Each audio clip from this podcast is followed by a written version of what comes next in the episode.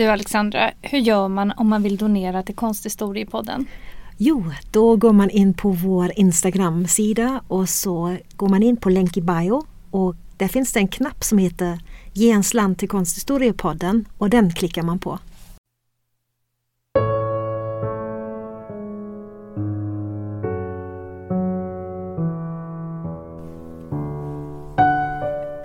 Hej och välkomna till Konsthistoriepodden. Jag heter Alexandra Frid. Och jag heter Alexandra Härlitz och äntligen är det dags för ett nytt avsnitt. Och vi har länge velat prata om John Singer Sargent och när vi var i Boston och såg hans fantastiska målningar där, till exempel på Isabella Stewart Gardner Museum, hans El Jaleo eller hans fantastiska gruppporträtt av Edward Darley Boyds döttrar på det underbara Museum of Fine Arts då bestämde vi oss för att göra ett avsnitt om denna spännande och redan på sin tid mycket populära konstnär. John Singer Sargent är onekligen en av USAs mest välkända konstnärer och i Sverige blev han mera känd för en större publik under senare år när Nationalmuseum visade hans porträtt ihop med Anders Zorns porträtt. Det är två samtida konstnärer som på många sätt är jämförbara, inte bara gällande motiv och teknik utan även deras skicklighet som entreprenörer. De var båda två utomordentliga på att arbeta mot marknaden över hela västvärlden och deras välbärgade klientells önskemål. Det var inte helt lätt att välja ett konstverk för vi är förtjusta i så många av hans verk men till slut valde vi en målning som finns lite närmare oss och som kanske fler av er har sett på egen hand. Vi ska prata om hans målning Carnation Lily Lily Rose som översätts till Nejlika Lilja Lilja Ros målad 1885 till 1886 som mäter 174 gånger 154 cm och finns i samlingarna på Tate Britain i London. Denna målning blev faktiskt hans första succé på The Royal Academy of Arts i London 1887 och den hjälpte honom också att etablera sin karriär i England, likt många andra platser där han blev framgångsrik. Jag tycker det är väldigt kul att äntligen få prata om denna målning för den är en av mina absoluta favoriter. Jag gillar verkligen allt med den. Motivet, eh, det enkla men ändå invecklade sättet hur den är komponerad, stilen som den är målad i och inte minst denna underbara stämning. Och vi ska titta lite närmare på målningen nu. Sergeants målning Carnation Lily Lily Rose visar två flickor som står mitt emot varandra och är väldigt lika. Både till kläderna och till kroppshållningen ser de nästan ut som varandras spegelbilder.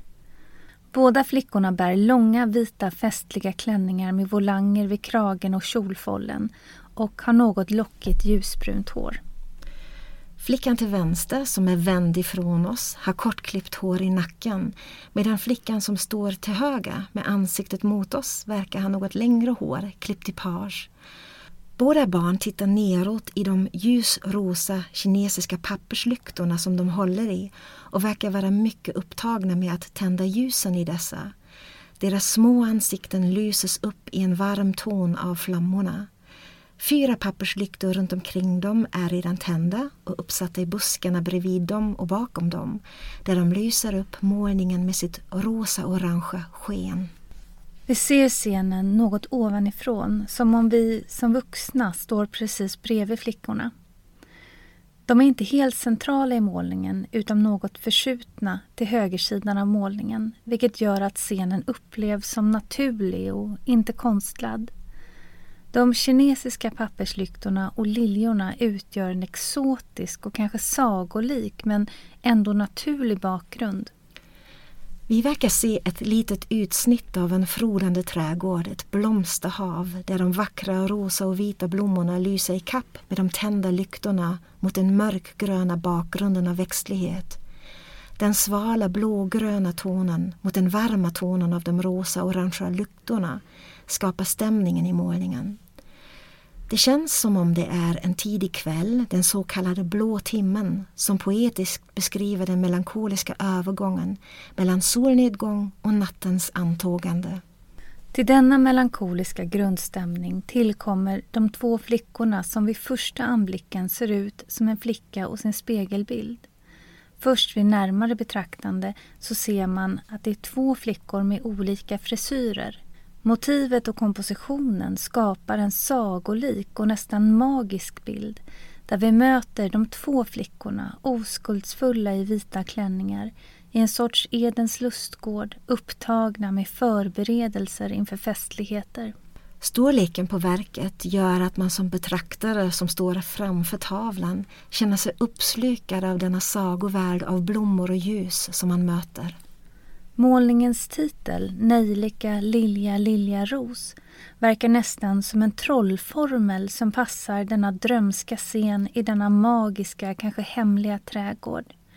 Titelns nejlikor, liljor och rosor täcks av skymningens tunna slöja och sätter stämningen. När man funderar mer på stämningen i målningen så är det på något sätt en målning som talar till våra sinnen. Det överväldigande havet av blommor får en nästan att känna den starka söta doften av liljor, nejlikor och rosor i den ljumma sommarkvällen. När man ser de långa grässtråna framför barnen minns man hur det långa gräset kan kittla runt anklarna. Man ser papperslyktorna och föreställer sig festen som snart kommer att börja med ett glatt sällskap i den vackra trädgården. Snart förvandlas denna skymning till natt och månens ljus lyser i kapp med de asiatiska lyktorna i denna drömska trädgård. Trots all glädje med fest och lek finns det något melankoliskt över målningen. Det är en flyktig värld som kommer till uttryck i denna ögonblicksbild från den blå timmen. De vackra blommorna, festen och allt som är magiskt i denna värld är förgängliga. Skymningen går snart över och den mörka och kyliga natten tar vid. Sommaren som ger naturen liv och färg är snart över och hösten börjar och ringer in trädgårdens karga vintertillstånd. Och även de två flickornas barndom kommer snart att vara förbi och de växer ifrån nöjen och glädjen som de fyllde i sin barndoms trädgård med. Målningen visar en idyll men det ser även ut som en scen från en privilegierad barndom där de finklädda flickorna står i en blommande trädgård. Man kan undra vilken barndom och vilket liv konstnären själv, John Singer Sargent, fick uppleva. Sargents egen barndom var ganska ostadig med en livsstil på resande fot och det kanske präglade hans nästan konstanta resande som vuxen. Tittar man på hans enorma livsverk på cirka 900 oljemålningar och mer än 2000 akvareller plus mängder av skissmaterial och teckningar så ser man att Sargent var en sann kosmopolit. Han målade i Italien, Frankrike, Spanien, England, Grekland, Mellanöstern och i mängder av amerikanska delstater från öst till väst. Utifrån motiven förstår man hans vida resande. John Singer Sargent föddes 1856 i Florens i Italien till amerikanska föräldrar. Att Florens blev Sargents födelseort var lite av en slump då föräldrarna på resande fot fick göra ett stopp i Florens på grund av en pågående koleraepidemi. Familjen härstammade från den amerikanska östkusten men bestämde sig för att resa när Sargents äldre syster dog, bara två år gammal och modern fick ett nervöst sammanbrott. Tanken var att resan skulle pågå till modern hade återhämtat sig men i själva verket fortsatte resan hela deras liv. De hade en fast punkt i staden Paris men flyttade ofta och tillbringade olika årstider på olika platser, främst i Frankrike, Tyskland, Italien och Schweiz. Det sägs att familjen levde ett stillsamt och återhållsamt liv som de hade råd med genom ett litet arv och sparpengar. Föräldrarna levde tillbakadraget och umgicks inte med andra amerikaner förutom några vänner i konstvärlden. Denna livsstil förde med sig att Sargent blev duktig på många språk. Han sägs ha pratat flytande franska, italienska och tyska vilket var hjälpsamt när han sjösatte sin framgångsrika karriär i olika länder. Sargent har beskrivits som väldigt bildad och skicklig i konst, musik och litteratur trots att han inte hade en vanlig eller fullständig skolgång. Han beskrevs som viljestark, bestämd och modig samtidigt som han också omtalats som blyg och återhållsam. Sargent förblev ungkar och det har forskats och funderats mycket kring hans privata relationer och kärleksliv. Han hade en stor umgängeskrets med både manliga och kvinnliga vänner. Bland dessa de två homosexuella författarna Oscar Wilde och Violet Paget. Nyare forskning har även lagt fram idéer om Sargents egen sexualitet. Utifrån uttalanden av hans vänner och kollegor men även hans bilder på nakna män och hur han tog sig an vissa av sina porträtt på män har man dragit slutsatser att han bland annat var intresserad av män. Den adlige konstnären Albert de Belroche som Sargent lärde känna 1882 har lyfts fram som hans älskare. De två männen reste ofta tillsammans och Sargent hade ett porträtt av honom hemma i sin egen matsal. Men Sargent verkar också ha haft många relationer med kvinnor. Till exempel hans modell Rosina Ferrara som ursprungligen kom från den italienska ön Capri och som är avbildat i flera av hans målningar och teckningar sägs ha varit ett kärleksintresse. Hur det än var med hans kärleksliv och hans sexuella orientering så kan man säga att han i detta avseende var en privat person. Han var en begåvad porträttmålare och nätverkare men samtidigt tyckte han också att det var påfrestande att vara social. När han 1907, 51 år gammal, stängde ner sin ateljé för porträttbeställningar kommenterade han lättad. Att måla ett porträtt skulle vara ganska underhållande om man inte var tvungen att prata när man jobbar. Vad jobbigt att behöva underhålla sittaren och se glad ut när man känner sig så eländig. Från ung ålder hade han blivit uppmuntrad av föräldrarna att måla och modern tyckte att han fick en gedigen utbildning genom resandet och alla museibesök han fick göra. Han tecknade mycket och kopierade bilder från illustrerade tidningar. När han var 13 år gammal tyckte hans mor att han tecknade rätt snyggt och hade ett anmärkningsvärt snabbt och korrekt öga. Om vi hade råd att ge honom riktigt bra lektioner skulle han snart bli en rätt bra konstnär. Föräldrarna bestämde att han skulle få undervisning i akvarellmåleri av en tysk landskapsmålare, Karl Welsch. Med denna bakgrund är det kanske inte konstigt att Sargent så småningom skulle hamna i de fria målarskolorna i Paris. Det är i den franske porträttmålaren Carolo Durons målarskola som Sargent får sin första riktiga utbildning. Och det är också genom lärarens specialisering inom porträtt som Sargent kom in på detta spår. Carole Durand och hans inflytande är något som inte har undersökts tillräckligt mycket. Men det vi vet är att han hade moderna undervisningsmetoder och en teknik som skilde sig mycket från den akademiska tekniken. I det akademiska måleriet gjordes ett viktigt förarbete med teckning och undermålning. Carole Durands teknik handlade mindre om teckning än om måleri och färgerna och tonerna hamnade i fokus när han målade med en alla prima-metod som liknar impressionisternas, där han målade utan förarbete direkt på duken. Carole Durands stora förebild i färgbehandlingen var den spanske barockmålaren Diego Velázquez. Sargent gick sedan vidare till den franska konstakademin École des Beaux-Arts där han blev antagen på sitt första försök 1874. Så han fick även med sig den akademiska tekniken med fokus på teckning och var en framgångsrik elev som belönades med priser redan under sin studietid. Och ganska snart började han även visa sina verk på Parissalongen.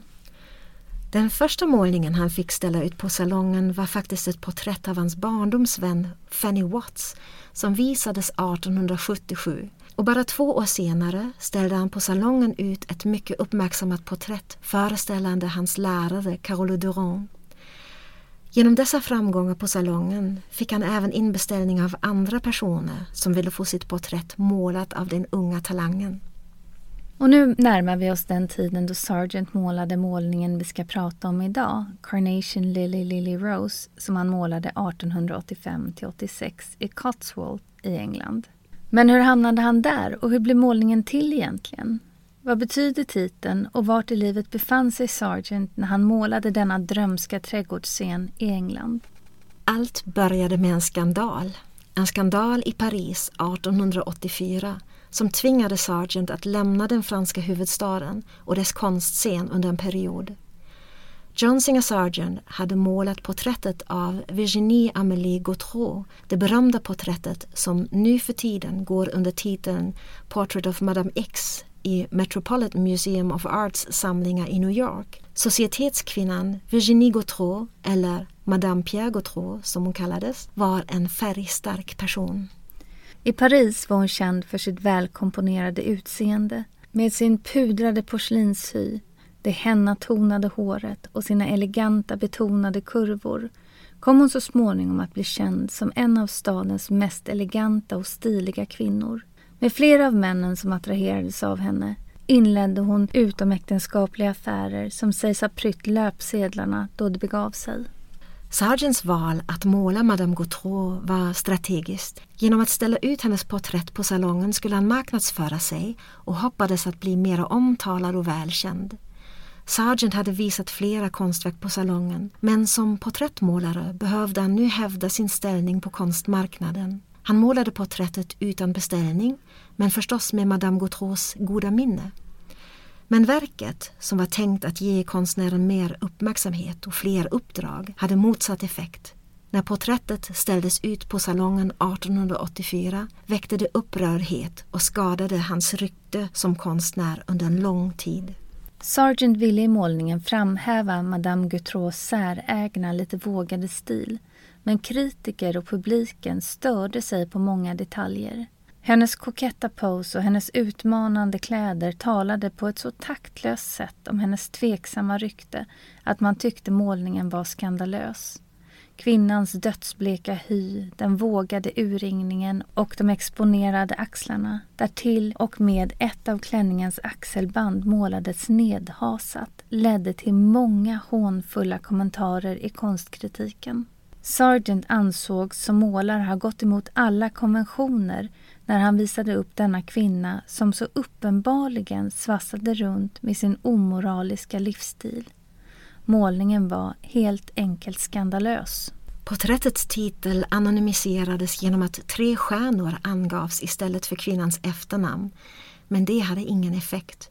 Madame Gautreaus utseende var för distinkt och hennes rykte för spritt för att hon skulle kunna gömma sig bakom den anonyma titeln. Gautreaus mor ska ha konfronterat Sargent på själva vernissagedagen och krävt av honom att dra tillbaka målningen från salongen då hela staden skvallrade om hennes dotter. Sargent vägrade och hänvisade till salongens regelverk. Han förklarade att han hade målat Madame Gautreau exakt som hon klätt sig och att ingenting kunde sägas om porträttet som inte redan sagts utifrån hennes rykte. Senare målade Sargent faktiskt om axelbandet så att det sitter på sin plats. Han behöll konstverket i över 30 år. När han sålde verket 1916 till The Metropolitan Museum of Art i New York kommenterade han att han tyckte själv att det var det bästa han hade gjort. Han bad museet även då att sittarens namn skulle förbli anonymt och därför är målningen idag känd som Portrait of Madame X. Knäckt av den massiva kritiken åkte han efter salongen inte som planerat till Italien utan följde sin goda vän, författaren Henry James, till London. I London hade Sargent framgångsrikt ställt ut porträttet av den amerikanske diplomaten Henry Whites fru på Royal Academy men var annars fortfarande rätt okänd. Här fanns det en marknad att erövra, vilket Sargent kom att lyckas med. Den målningen som hjälpte honom att blåsa i liv i hans karriär i England var dock inte ett porträtt utan just den målning som vi ska prata om idag, Carnation Lily Lily Rose. Och nu när vi vet var Sargent befann sig i sin karriär ska vi titta lite närmare på verkets tillkomst. Så sagolik som målningen ser ut så härstammar ändå inspirationen från verkligheten runt omkring Sargent. Den första inspirationen inför denna målning fick Sargent när han gjorde en kvällsbåttur med en vän, den amerikanske illustratören Edward Austin Abbey, på Themsen nära Pangbourne i september 1885. Då fick han syn på kinesiska papperslyktor som lös mellan träden och liljorna. Den minnesbilden tog han med sig och ville åstadkomma att återge just dessa färger och denna stämning i en målning. Sargent spenderade sensomrarna i en konstnärskoloni i Broadway, Worcestershire i Cotswolds. Det var här han målade Carnation Lily Lily Rose. Han målade verket i två steg. Först från september till tidig november 1885 och sen började han igen under sensommaren året därpå och avslutade målningen i oktober 1886. Att det tog så lång tid hade att göra med skymningsljuset som han ville återge så sammetslent och rosalila som han hade upplevt det på båtturen på Themsen tidigare. Sargent målade verket helt en plein air, alltså utomhus, för att verkligen lyckas fånga det fina skymningsljuset. Att måla plein air var utbrett på denna tid, inte minst bland impressionisterna, men det var ett ganska ovanligt arbetssätt för Sargent. Sargent målade bara några få minuter på målningen varje kväll vid solnedgång när ljuset var perfekt för att då fånga den exakta ljusnivån under skymningen och den lila tonen som lade sig över motivet.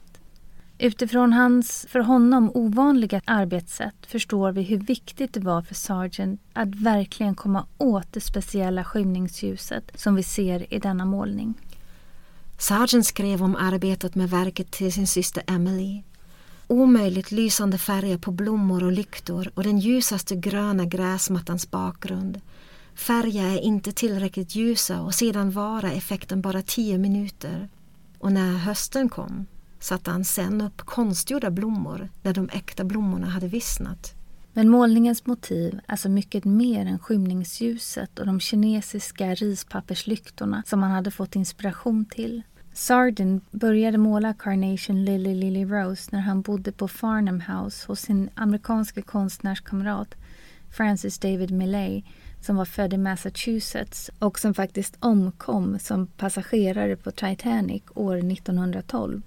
När Sargent började med målningen var det Millays femåriga dotter Catherine som stod modell för honom.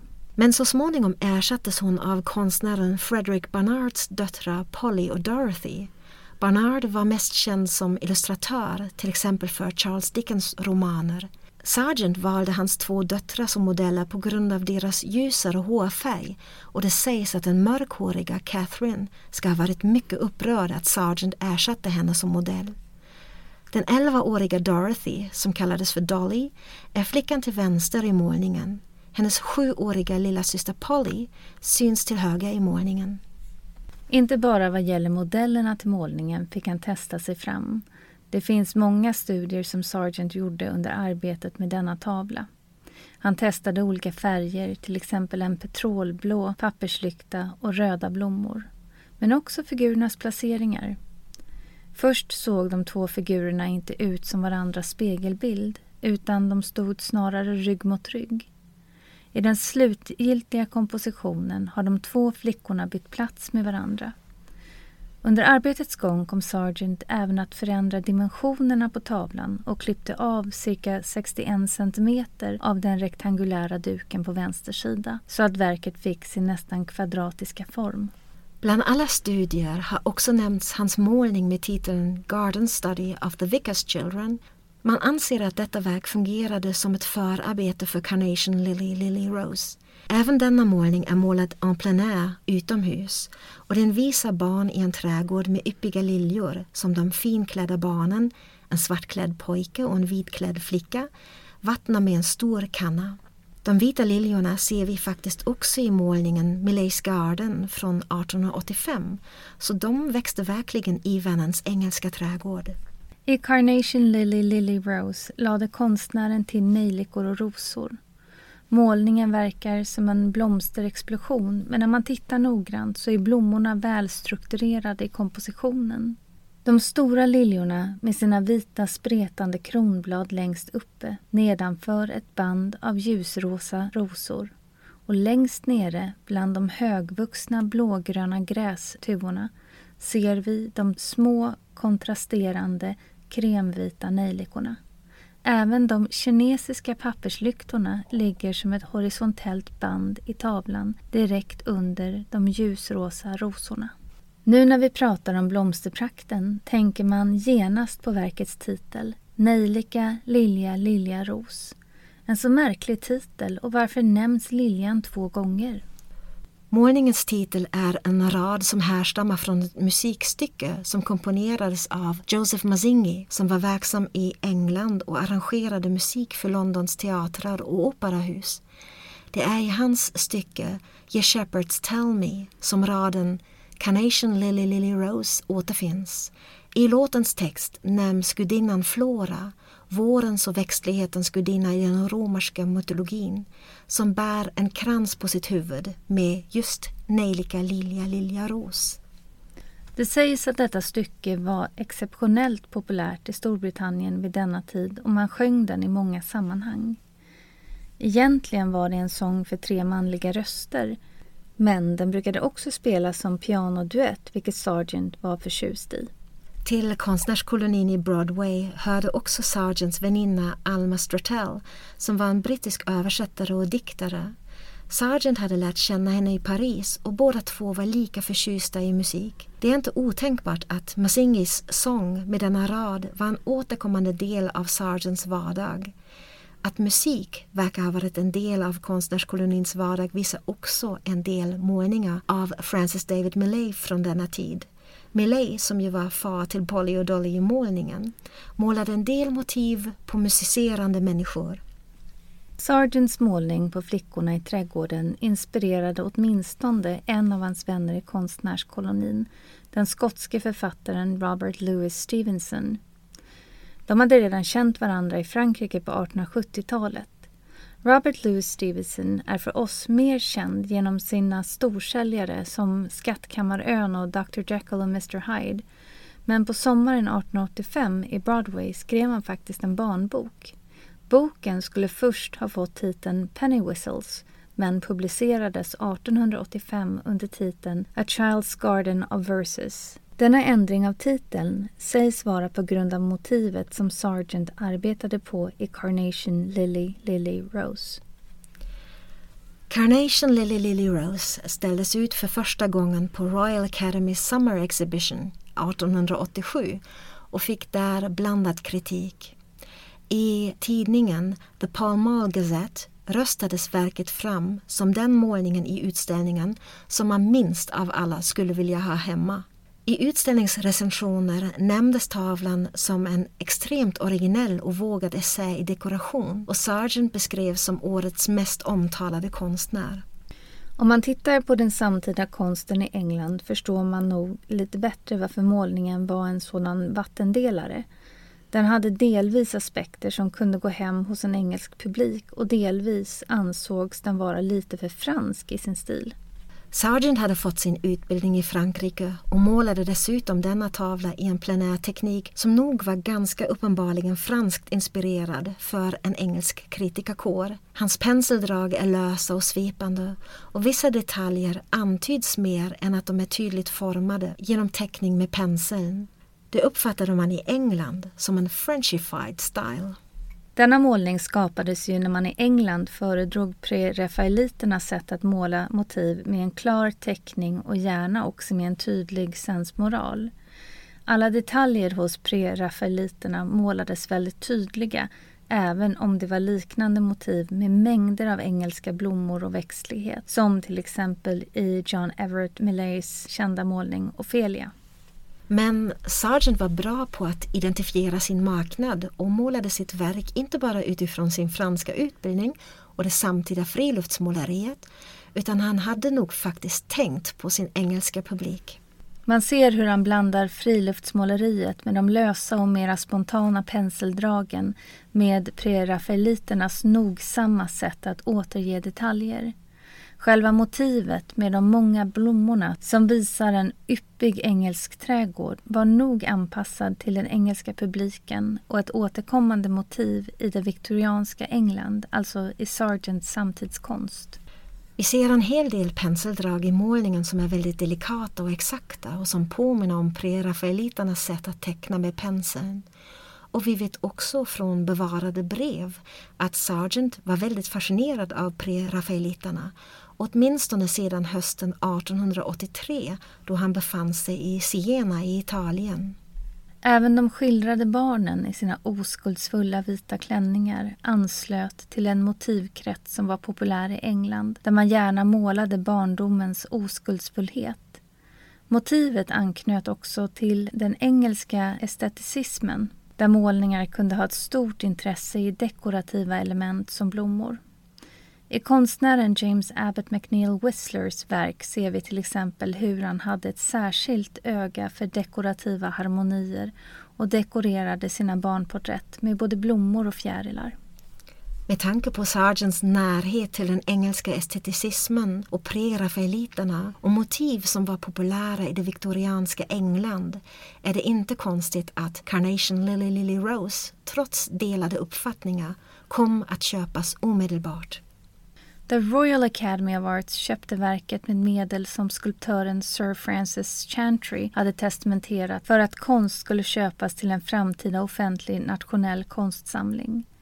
Först placerades Carnation Lily Lily Rose på dåvarande South Kensington Museum, nuvarande Victorian Albert Museum. När Tate Gallery London grundades 1897 flyttade alla konstverk över dit och då var Sargents verk redan med i samlingen från dess allra första början. Målningen var den första av Sargents konstverk som köptes av ett museum och nu för tiden hör verket till det mest populära i samlingarna. John Singer Sargent var anmärkningsvärt produktiv och är nu för tiden mest känd för sina porträtt. Sargent var på höjdpunkten av sin karriär runt 1900 då han utförde många beställningar. Allt från porträtt på den amerikanska överklassen som konstsamlaren och mecenaten Isabella Stewart Gardner till porträtt på amerikanska presidenter som Theodore Roosevelt. 1907 när Sargent stängde sin ateljé hade modernismen slagit igenom. Det första kubistiska verket hade målats av Picasso. Den abstrakta konsten hade gjort sitt intåg. När Sargent 1917 målade ett porträtt av John D. Rockefeller blev han kallad för en gammal mästare. Men Sargent var inte bara porträttmålare utan hade många strängar på sin lyra. Ett av hans mest kända verk är en monumental målning från 1919 som visar skadade soldater som leder varandra efter en giftgasattack under första världskriget. 1925 dog Sargent i sitt hem i London av en hjärtsjukdom. Under de senare åren av hans liv målade han mer av det han tyckte om att måla. Han ägnade sig åt friluftsmåleri men målade även stora fresker i offentliga byggnader såsom i Boston Public Library och på Museum of Fine Arts i Boston och på The Widener Library i Harvard. Med moralmåleri återknöt han till ungdomen. Hans lärare Carole Durand hade 1877 valt John Singer Sargent att hjälpa honom med muralmålningen på Palais de Luxembourg i Paris. Under den första hälften av 1900-talet hamnade John Singer Sargent lite i skymundan som så många konstnärer som inte anpassade sig kontinuerligt till modernismens strömningar. När man skrev konsthistoria under första hälften av 1900-talet lyftes de konstnärerna fram som under det sena 1800-talet var vägberedande för modernismen. Till dessa kunde inte Sargent räknas. Han var ingen van Gogh, Gauguin eller Cézanne. Men även om han inte var en pionjär inom modernismen så stod han för en stil som var mycket framgångsrik och populär i sin samtid. Efter att ha nonchalerats av konsthistoriker ett gott tag började man framförallt från 1960-talet få upp ögonen för honom igen. Det var då intresset för den viktorianska eran i konsten ökade och detta före Sargent in i rampljuset igen. 1986, alltså 100 år efter Sargent målade Carnation Lily Lily Rose, gjorde The Whitney Museum of American Art i New York en stor retrospektiv utställning med John Singer Sargents verk och sedan dess har intresset för honom och hans konst varit stor. Och det har visats utställningar med hans verk på många andra platser. Det var allt vi hade att säga om John Singer Sargent och hans konstverk Carnation Lily Lily Rose från 1885 till 1886. Vi kommer snart tillbaka med ett nytt avsnitt, vi lovar. och vad det blir då, det får ni se då. Hej då! Hej då!